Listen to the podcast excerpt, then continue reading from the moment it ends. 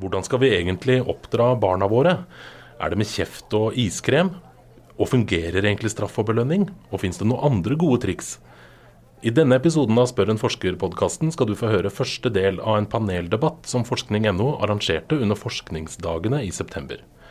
Debatten ble holdt på Kulturhuset i Oslo, og debattledere er forskning.no-redaktør Nina Kristiansen og meg, redaksjonssjef Bjørnar Kjensli. Da bare setter jeg over til Kulturhuset. Da starter vi møtet som skal svare på en av de viktigste spørsmålene for eh, mange, og det er hvordan skal vi egentlig oppdra barn? Hvor mange her i salen er det som har barn eller omgås barn? Ja, ikke sant? Det er eh, et flertall. Eh, hvilke forventninger har du, Bjørnar, til eh, Dette er da Bjørnar Kjensli, redaksjonssjef i forskning.no. Hvilke forventninger har du til møtet? Eh, jeg har både lyst til å lære noen triks og få bekrefta at det jeg gjør, allerede er riktig. Og du? Nei, For meg er det jo for seint. Jeg har jo fire barn, og den yngste er eh, 19. Så jeg må jo bare eventuelt få bekrefta at jeg har gjort noe riktig, da. Men vi, skal, vi har med oss ekspertene på barn, barndom og oppdragelse. Og istedenfor at vi presenterer dere med lange lister, så kan vi jo begynne ja, vi kan begynne med Cecilie Winger, f.eks. Ja. Jeg har eh, to voksne barn som eh, ter seg rimelig bra, så jeg tror kanskje jeg har gjort noe riktig. Men jeg er invitert her fordi jeg akkurat har skrevet en bok om barneoppdragelse i gamle dager. Eh, så jeg er egentlig eksperten her på hva man ikke skal gjøre med barna sine. Den boka heter 'De onde gamle dager'. Eh, Vi kommer tilbake til den. Men jeg er litteraturviter og forfatter og oversetter. Og den boka fins til salgs der nede. Den er rykende fersk fra Humanist Forlag. Så den går an å skaffe seg. Og den har masse fine bilder også. De som har så, 70 fotografier i den. ja, ikke sant? De som har så små barn at de ikke rekker å lese, kan da bare se på bildene. Anne Greve. Ja, jeg heter Anne Greve. Jeg er barnehagelærer og er professor i barnehagepedagogikk på Oslo OsloMet. Nå har jeg lært meg til å si Oslo OsloMet. Det er gamle høyskolen i Oslo og Akershus. Um, jeg syns det er litt rart å bli kalt for ekspert for barneoppdragelse. Men um, vi kan jo komme tilbake til det, hvor mye ekspert jeg er. Jeg har to voksne barn som det også har gått rimelig bra med i livet. Så jeg har vel ikke gjort de aller største feilene jeg heller. Så jeg akkurat hørte jeg akkurat om deg på radioen uh, presentere boka di, så jeg gleder meg veldig til å møte deg. Du gruer deg. Og så er du jo da eh, jobba i barnehage i 17 år. Ja, det har jeg. Og det er ikke så mange barnehagetanter, det skal man ikke si, da. Nei, det får du ikke Nei, det må jeg ikke si. si, altså. Det er ikke så mange førs Barnehagelærere heter vi. barnehagelærere Ja, ja. som blir professorer. Nei, det er, det er ganske sjelden. ganske sjelden.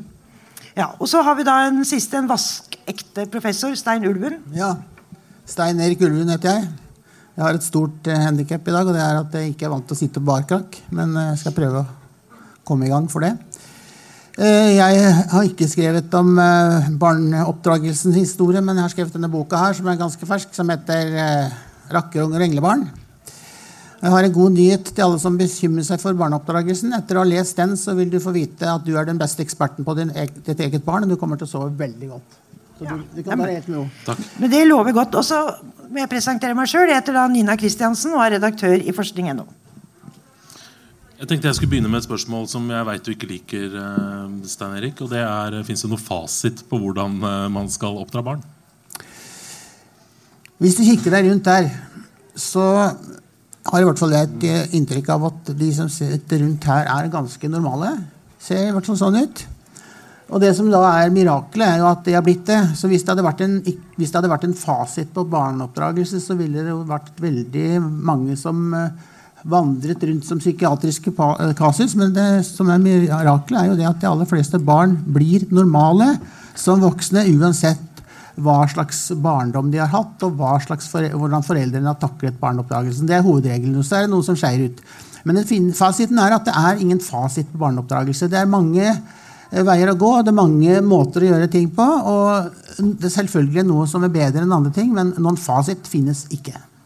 Du har skrevet en del om disse tre-fire forskjellige eh, hovedstrategiene. Eh, det er vel myndig og, og ja, det er et par forskjellige autoritær, ettergivende og uengasjert. Mm. Kan du fortelle litt om de? Det er jo ikke alle de som høres noe særlig ut. Nei, altså, hvis det, De som leser og er på nettet, de har jo oppdaget at det er, dette er noe som går igjen. At Skal du være myndig, eller skal du være autoritær, eller skal du være ettergivende? Det er sånne kategorier som en liker å plassere foreldre i. Og jeg er jo en veldig sterk motstander av de kategoriene der. Og Grunnen til det er jo det at barneoppdragelse det handler jo veldig mye om hva slags barn du har fått. Hvis du for har bestemt deg for at nå skal jeg oppfylle alle kravene, nå skal jeg være en veldig myndig foreldre, som uh, virkelig setter grenser. Og så får du et skikkelig trassig barn som skriker i begynnelsen hele natta, og som blir ganske rabialt å ha med å gjøre. Så vil det barnet tvinge deg til en av to ting. Enten så blir du mye mer autoritær enn du hadde tenkt, eller så blir du ettergivende. Og det, ingen av de tingene er særlig bra.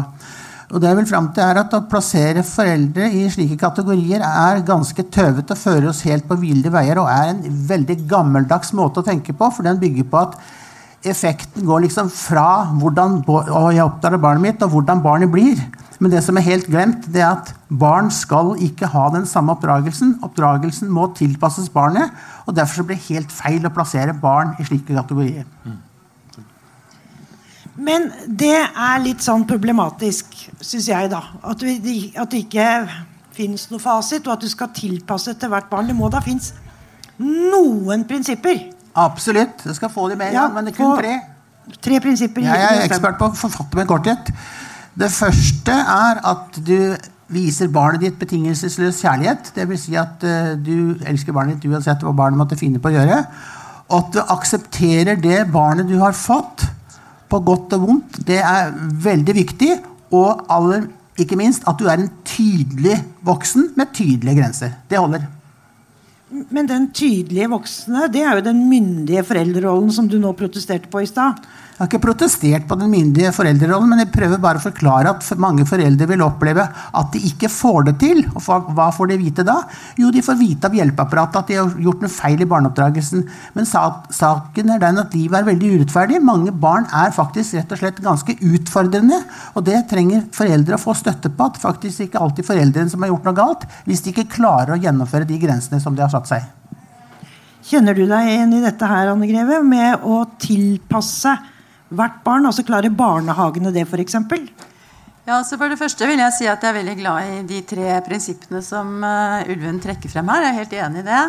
Um, ikke minst dette med å, at foreldre skal elske sine barn betingelsesløst. Det, og det, jeg tror faktisk at vi i barnehagen også må jobbe for litt de samme tingene. Det er annerledes å være foreldre enn det å være ansatt i en barnehage. det er helt sikkert. Men det jeg tror er, altså dette med barneoppdragelse det, det handler veldig mye om verdier egentlig også. Og jeg tror at det er viktig at vi, alle vi som jobber med barn eh, på ulike nivåer, altså barnehage, skole, vi, at, vi, at, vi, tenker gjennom hvilke verdier er det som ligger til, til grunn. Og dette med at eh, foreldre skal elske barna sine betingelsesløst, så tenker jeg at i barnehage og skole så skal vi også sørge for at hvert barn blir respektert og anerkjent eh, og sett. Altså det at hvert barn hver, en, eh, hver, eneste dag opplever å bli anerkjent og respektert, det tror jeg er kjempeviktig. Og Grunnen til at jeg mener det er viktig, er fordi jeg tror at vårt viktigste prosjekt, og det tror jeg gjelder både foreldre og, og vi som jobber i barnehage og skole, eh, tenker at det som er aller viktigst for barnet, det er å bygge opp en selvtillit, en selvfølelse. En, en, opplevelse av at jeg er en person som betyr noe. Jeg er en person som er verdt å bli elsket. Jeg er en person som spiller en rolle. Og, jeg, gi ungene nok tro på seg selv til at de kan strutte av selvtillit når de forlater barnehagen og går ut og skal kaste seg ut på dypere vann eh, gjennom resten av livet, det tror jeg er kjempeviktig. At vi gir dem den ryggsekken å ha med seg på veien.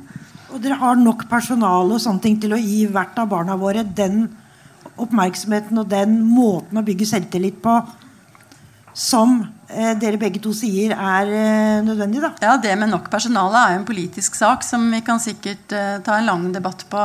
som eh, Jeg mener jo vi ikke har det. Og jeg mener at det er eh, vanskelig. altså Dette her høres kanskje, kanskje, enkelt ut. Bare gå ut og elsk barna og gi dem anerkjennelse og respekt. Men som Ulven sier, så er det en del barn som er litt utfordrende. Og de også har krav på å bli respektert og elsket. Og, og du kan ikke late som du liker ungene i barnehagen. altså De merker det fryktelig fort hvis du, hvis du ikke er ærlig, og hvis ikke du er genuin eh, i, i, i din relasjon med barna. Eh, hvis det er, altså alle de som, Jeg vet ikke, vet ikke, hva dere har. Jeg har også erfaring med sånn hjelpeapparat som har gått på kurs og lært å si at 'ja, jeg hører hva du sier'. ikke sant? Og, og så avslører du det så veldig fort hvis, hvis, det er sånn, hvis de inni seg sier at og, 'men det gir jeg blaffen i'. ikke sant? De, du, må være, du, må være ordentlig glad i ungene, og, og det krever ganske mye av deg. For det må, altså, vi som, som foreldre så er det jo ikke en, det er, det er jo øyeblikk der du ikke liker barnet ditt like godt. Mm. Og dere har jo ikke, som jobber i barnehage, har jo ikke engang samme tilknytning til barnet. Nei. Så i løpet av 17 år så må du ha kommet borti noen unger du ikke liker veldig godt, egentlig. Ja, Og da må man gå på let etter hva er, det, hva er det hos deg som gjør at jeg kan like deg også. ikke sant? Hva, du må le, og, det gjelder jo ikke bare barna, det gjelder faktisk foreldre nå. Nå kommer det foreldreparet. ikke sant? Du må, det er, men det er så viktig å få den tilliten, så da må du være litt på let. Og tenke, og det er utfordrende. Det var noe av det som gjorde at jeg syntes det var veldig gøy å jobbe så lenge i barnehage. Fordi du må, du må liksom finne hva er det hos deg. Hvordan kan jeg nå inn til deg? Og der er, med barna så er jo lek et veldig viktig stikkord der. da. Men eh, for å bare ta uh, løpet litt, fordi dere sier at vi skal behandle hvert barn individuelt, og vi skal se etter gode individuelle egenskaper. Men barna forandrer seg også. Altså, de går jo fra to år til tolv år. Og så blir de liksom 15. Eh, må vi da forandre oppdragelsen hele veien? Eller er det sånn at hvis vi klarer å finne ut hvilken personlighet og hvilken oppdragelse de trenger som toåringer, så kan vi liksom bare kjøre på? Ja, Det kan jeg svare på, kanskje. Det, personligheten den er jo i veldig stor grad eh, ikke fastlagt, men altså, den ser du veldig mye av. Når barna blitt tre år gamle, så vet du om du har en, et sosialt barn, eller, eller om du har et sjenert, tilbaketrukket barn, eller om du har et veldig nysgjerrig barn, eller om du har et stå-på-barn som aldri gir seg. Aldri gir seg høres så veldig negativt ut, men jeg syns at det er kanskje de som virkelig Eh, stiller krav, og som står på krava, som, som, når langt her i livet. og Det blir ofte sett på som en, eh, en, en, negativ egenskap. Jeg mener ikke at det finnes gode og dårlige personligheter, men det finnes forskjellige personligheter. Og det ser du ganske tidlig. Så har du et barn som virkelig setter deg på plass og utfordrer deg når du er som treåring, så kan du regne med at du får en ganske heavy 16-årsalderen. Men det er noe med at man vokser sammen. da, ikke sant? Det er jo ikke sånn at toåringen din plutselig er tolv. Selv om i ettertid virker det som det var det som skjedde. Men det, men det, det går jo gradvis. Man vokser jo sammen med oppgaven, tenker jeg. det eh, men det der å opparbeide seg et tillitsforhold til, til, barnet, enten det er ditt eget barn eller det er barna i barnehagen eller skolen, det tror jeg er kjempeviktig. Og så må vi tåle for vi er mennesker, så vi må tåle både i barnehagen og skolen og i familien at vi av og til blir uvenner og gjør dumme ting. Eh, og da går det an å si unnskyld. Og det tror jeg er veldig viktig. At vi voksne også kan vise at uh, nå gjorde jeg noe dumt. Det var ikke noe lurt. Men uh, ja, altså man skal be om unnskyldning. Uh, begge parter. Ja. ja. Selv om man ikke mener det. Nei. Det skal man ikke. For jeg mener det er viktig overfor unger at man er ærlig. Eh, så hvis ikke du mener det, så må du gå litt i deg selv og tenke hva var det som skjedde nå. Ofte så kan det være lurt. Altså det er det samme, det er ikke så innmari smart å, å, legge ut i kommentarfelt og sånne ting på sosiale medier når du er litt eh, i, Som når du er sint eller det er et eller annet. Og det samme er jo med ungen din. Kanskje skal du ta den timeout Ja, jeg skal ikke si timeout, for det betyr noe helt annet, egentlig. I, i, kan bety noe helt annet. Men altså ta en pause, kom tilbake til dagen etter. Hva som skjedde i går, egentlig. Så kan man ta en prat. Og min erfaring fra barnehagen er at man kan snakke med barn. Ganske, ganske unge barn, altså. Tre-fireåringer kan man godt snakke med på den måten der og si hva var det egentlig som skjedde nå. Eh, her var det noe som gikk litt skeis. Du, du, sa Stein Erik, at du syns alle her ser ganske normale ut. Jeg er ikke helt enig. Jeg, da, eh, i, eh, det er ganske mye det, jeg, det jeg prøver å si er at det er ganske mye raringer der ute. Da. Eh, det er ja. mange som har forskjellige issues av ulike slag. Mm. Psykiske lidelser og, og, problemer der ute. Kan man spore sånne ting tilbake til barneoppdragelsen? Vet man liksom årsakssammenhengere?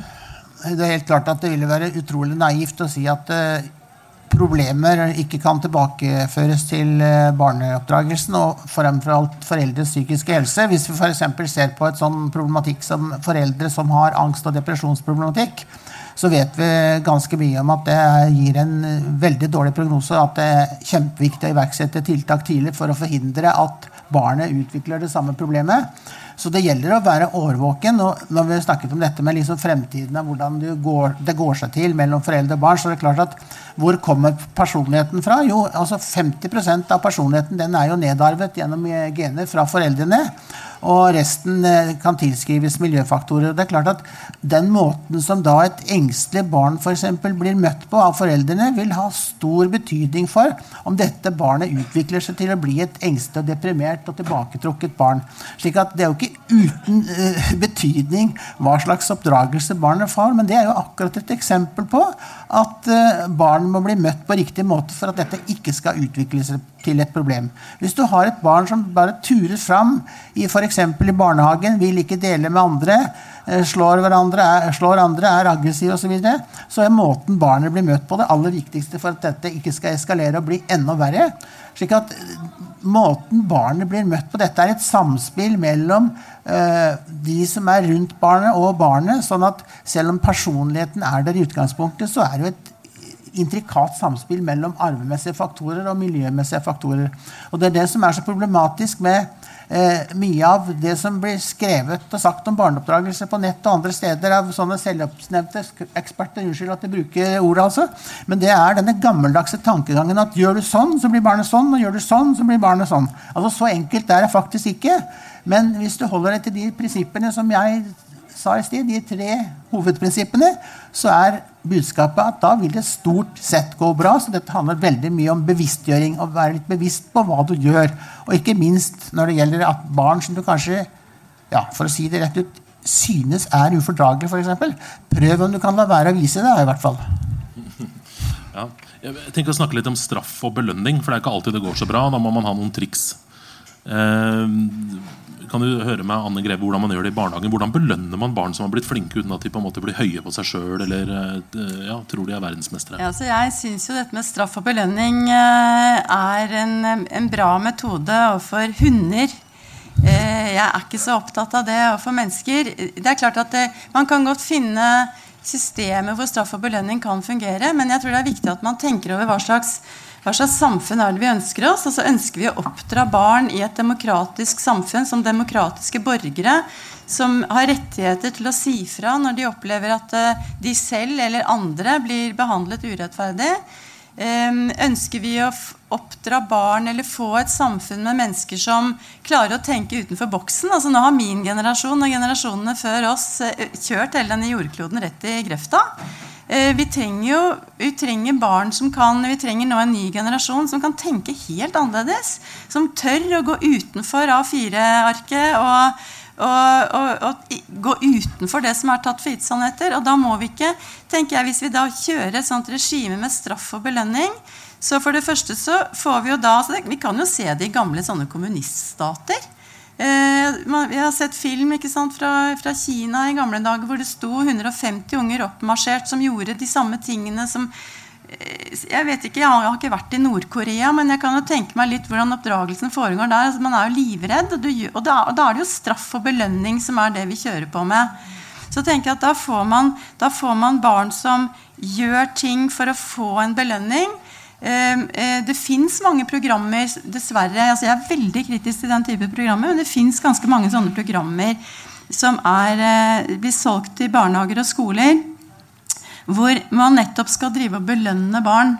Hvor de får eh, imaginære kakestykker hvis de gjør noe riktig, eller de får stjerner eller poeng, eller hva det er de får. Og da tenker jeg at vi, For meg blir det helt feil. For det første så mener jeg det er viktig at barn ikke skal gjøre noe godt fordi de skal oppnå å få et kakestykke. Eh, de skal gjøre noe godt fordi det er bra å gjøre noe godt, og ikke fordi at de skal oppnå noe annet utenfor.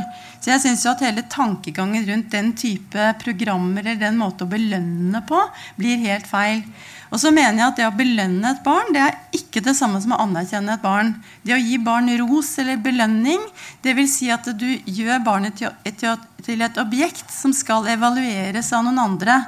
Eh, for, altså, for meg er det det motsatte å anerkjenne. Eh, å anerkjenne det er å kunne gå inn og, og, være genuint opptatt av hva du holder på med. Si så spennende det du gjør nå, eller lytte og være engasjert på ordentlig.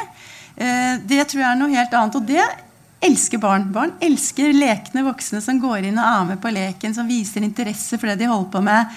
Enten det er eh, en eller annen rollelek, eller det er å finne et eller annet skrukketroll under en stein. eller gjøre et eller annet. Det er å være med på barnets undring og det, det barnet er opptatt av. Det er på en måte en belønning nok, men det er ikke en sånn ytre belønning. Um, ja. Da må jeg bare spørre om noe som jeg har diskutert med mine venner mange ganger. og det er det Hvis det er en aktivitet du hater da, som foreldre, du hater Lego, mm. bør du da unngå Lego? Og heller liksom leite etter skrukketroll hvis du liker det bedre? Ja, Det tror jeg kanskje kan være lurt. Eller igjen så er det vanskelig å gi noen oppskrifter på det ene eller det andre. Men det er klart, eh, er det noe du virkelig misliker, og du hater Lego, så blir det jo neppe noe morsom lek sammen med ungen din hvis du sitter der og spenner deg hele tiden og syns det er helt forferdelig kjedelig det du holder på med. Jo, men foreldre gjør jo det. Vi er jo med på masse barneaktiviteter som vi ikke nødvendigvis ville valgt sjøl. Ja, men Innimellom så kan det jo være at det kan være morsomt for deg å utfordrende noen grenser selv. Og da. Jeg har grugledet meg til å komme hit i dag, blant annet. Og det er jo noe med at, det, at vi av og til, kanskje vi også som foreldre, kan øve, øve oss på å gjøre noe som ikke vi syns er så morsomt i utgangspunktet. Så klarer vi å senke skuldrene og tenke at kanskje det kan bli morsomt. Da Utfordre deg selv litt. Men er det noe du virkelig misliker, så vil jeg ikke tenke at det er noe veldig god idé at du er sammen med ungen din på det. Du ville si noe, Ulven? Ja, jeg vil gjerne si noe. fordi at uh, Denne boka har faktisk et kapittel som heter 'Ros kan gi ris til legen bak'. Og jeg er bare delvis uh, enig i det du sier, fordi at du må faktisk skille mellom håndfast belønning og sosial belønning. Når det gjelder sosial belønning, så kan jo den først og fremst brukes til å styrke selvfølelsen og selvbildet til barn, og det har jeg jo absolutt ikke noe imot. Men det du snakket om at barn skal gjøre ting for å få godterier eller gjenstander, måtte være, det syns jeg ikke er en bra måte å bruke belønning på.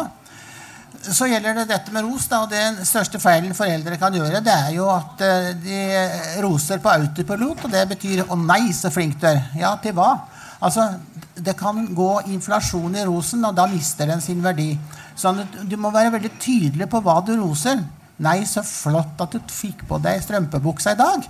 Det er eh, veldig eh, konkret og greit. Og da skjønner barnet hva det får ros for.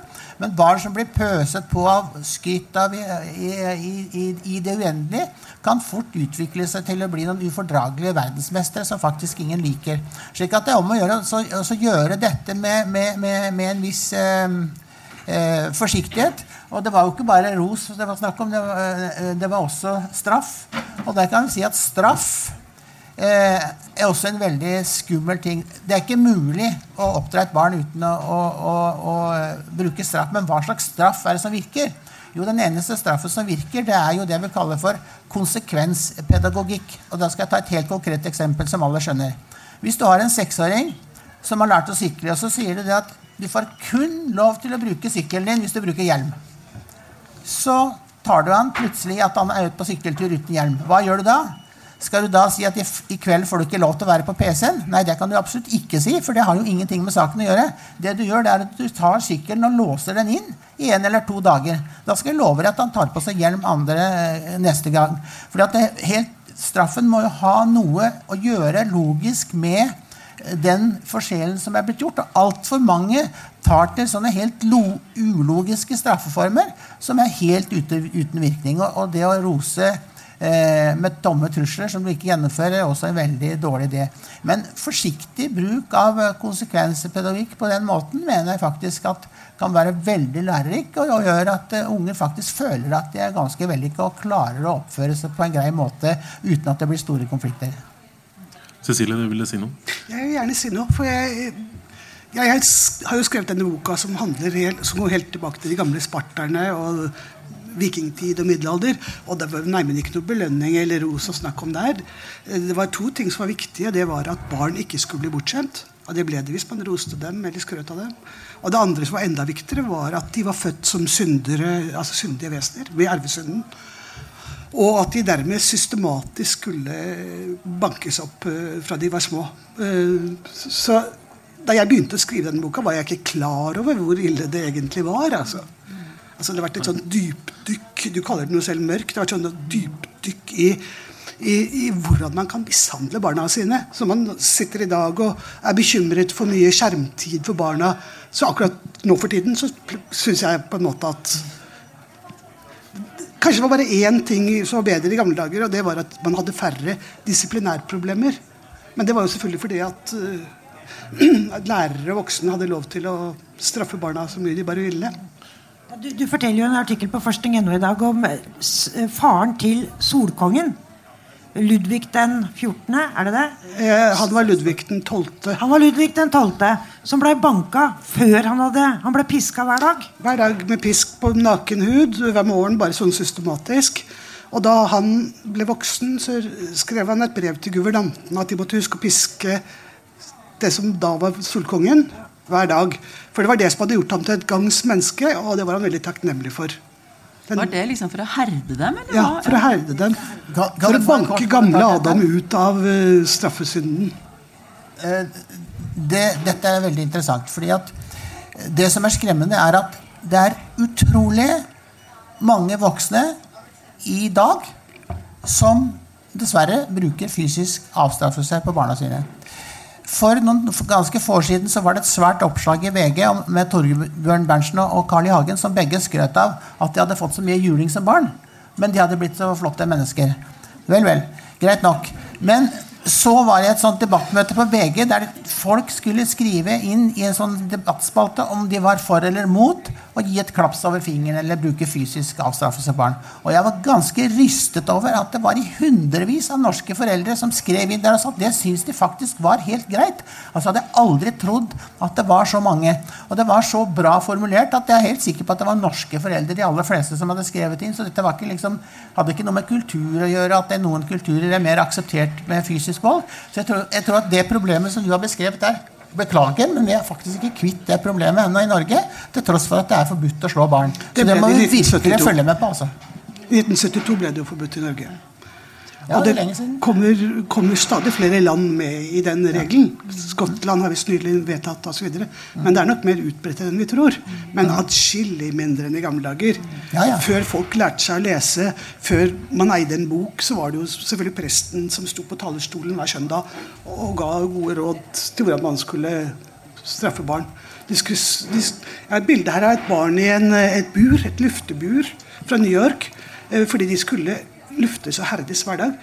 Og da visste denne forfatteren, som ikke var en psykopat, men en anerkjent mann i sin samtid, at mor eller barnepiken hadde mye å gjøre, så han bygde et bur ut av vinduet. Så kunne man holde øye med barnet. I Norge brukte man jo lekegrinden. Stå fem minutter hver dag i bleie, så blir man tøffere.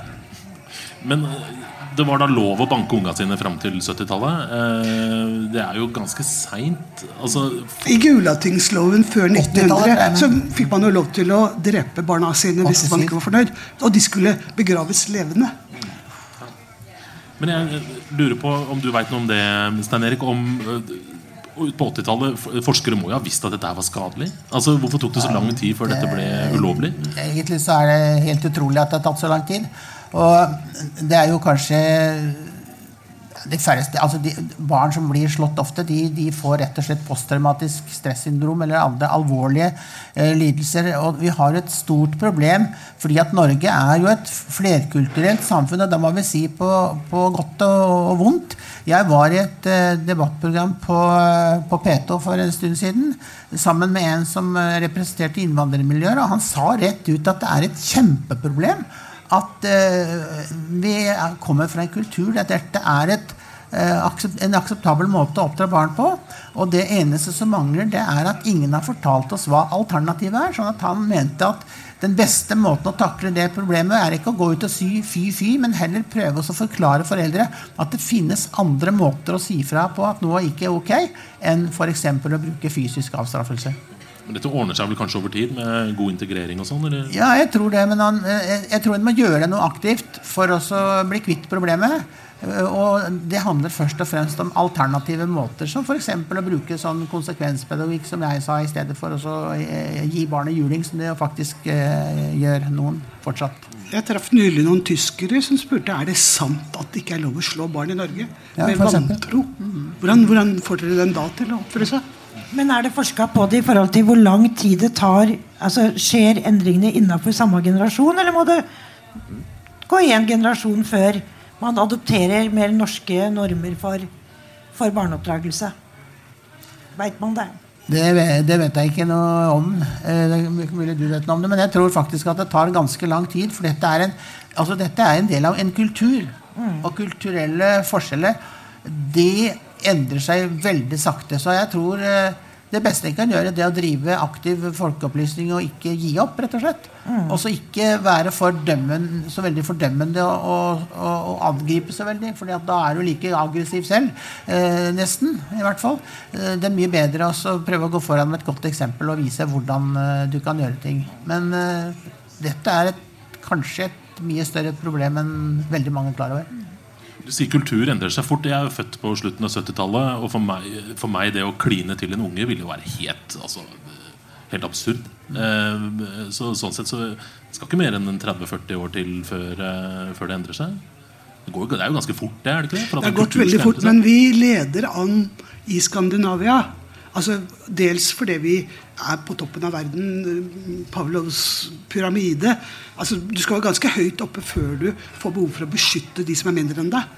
Altså, hvis man tenker på Brødrene Grim og eh, Hans og Grete-eventyret, så er jeg ganske sikker på at i samtiden så var det ikke det hjerteskjærende ved det eventyret at foreldrene eh, prioriterte sin egen Mette og sendte barna ut i skogen. Det sjokkerende var at, at med heksa Altså det at man prioriterte seg selv, det var tror jeg er veldig vanlig.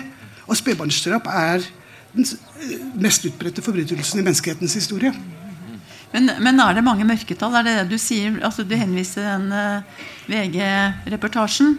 Så kan det jo virke som om det ikke nødvendigvis er et integreringsproblem heller, da, men at det er mange mørketall, og at det er, uh, skjer også Det var jo akkurat det som gjorde så stort inntrykk på meg. Da, at jeg mm. følte at veldig mange av de Altså Jeg så at i noen av de så var det mange stavefeil som mm. helt sikkert var eh, fordi at de ikke kunne så godt norsk. Men noen av de, eller ganske mange av de rett og sagt, var så velformulert at de må ha vært skrevet av enten noen som har bodd der veldig lenge, eller rett og slett av norske, norske foreldre. Mm. Og jeg hadde ikke forventet meg så mange. Det var virkelig en sterk opplevelse. Mm. akkurat det der, Så jeg, jeg tror kanskje at det er mørketall. og det snak, da, da, det, Spørsmålet var jo om det var greit å gi et klaps over fingeren for eksempel, hvis et barn rørte noe mm. uh, som ikke var lovlig. Det var det mange som syntes var greit. altså. Mm.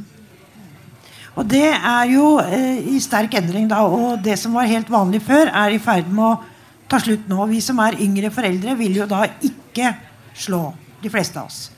Så da må jeg prøve å spørre sånn, Hva er det vi da gjør med den umulige ungen? Den ungen som bare protesterer på alt. Og så har vi noen konkrete råd og, og, som dere kan komme med til oss som står der i den situasjonen da, og ikke veit hva vi gjør med den ungen som bare er vill, gal og gjør i hvert fall ikke som vi sier. Det viktigste rådet som jeg har, er i hvert fall å prøve alt du kan på å finne ut hva som er positivt ved det barnet. For at alle har noe positivt ved seg. Og prøve å fokusere på det, og prøve å legge mindre merke til eh, hva som eh, ikke er så bra. Og det aller viktigste rådet hvis du har et barn som virkelig har det du kan kalle for atferdsproblemer, som liksom sier nei til alt, og som lugger og biter og slår og kaster bestikk ved bordet osv., er at du må ha få regler. Du klarer ikke å rydde opp i alt dette over natta. Og da kan du kanskje ha tre-fire husholdningsregler, og så kjører du hardt på at de skal gjennomføres og de skal overholdes, og så prøver du å være tydelig på det.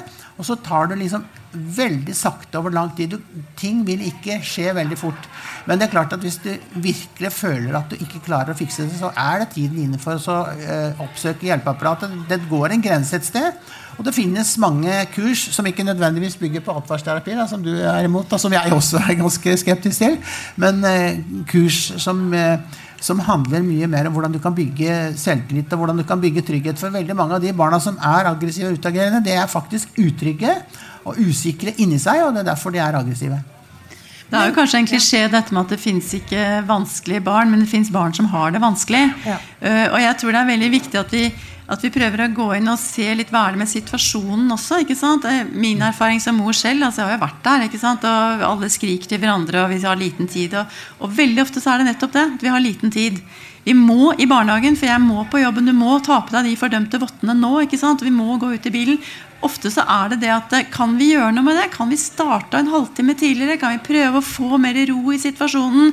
Kan vi gjøre tiltak som gjør at det ikke blir det stresset? Jeg tror det er veldig mange av de situasjonene vi kommer i, er fordi vi voksne blir stressa.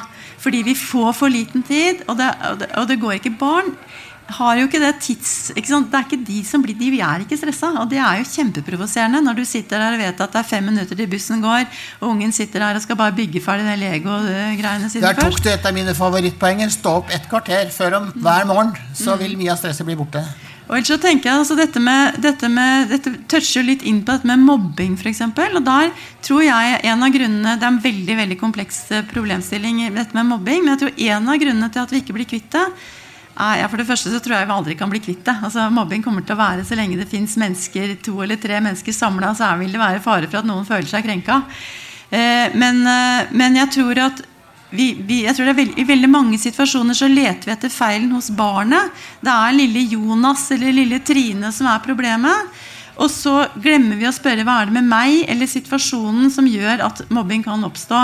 Jeg tror det er veldig mange situasjoner Jeg fikk en kjempe aha-opplevelse selv. Jeg så på eh, observasjoner jeg hadde vært ute og filmet i en barnehage. Eh, og ser da en situasjon hvor eh, barnehagelærer irettesetter et barn i plenum. Det er et lite barn som jeg kaller for Nils. Eh, som får veldig mange irettesettelser. Nils gjør veldig mange ting. Han er ofte på feil sted til feil tid. Og det medfører at Nils får skylda for stort sett alt som går gærent i den barnehagen. Også de dagene han ikke er til stede i barnehagen. Så er det Nils som har gjort det. Og når jeg forteller dette til barnehageansatte, så nikker folk i salen. Det kjenner de igjen. Og det tenker jeg det er kjempeskummelt.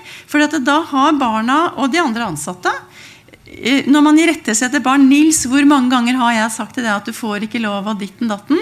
Så hører alle sammen det. Nils hører det selv, de andre ansatte i barnehagen hører det, alle de andre barna hører det. Og da, blir, da skaper vi, da tenker at Dette her er situasjoner som skaper mobbing. Fordi at alle vet at Nils ikke er så godt likt. Og så Én ting er det vi sier verbalt, som alle hører.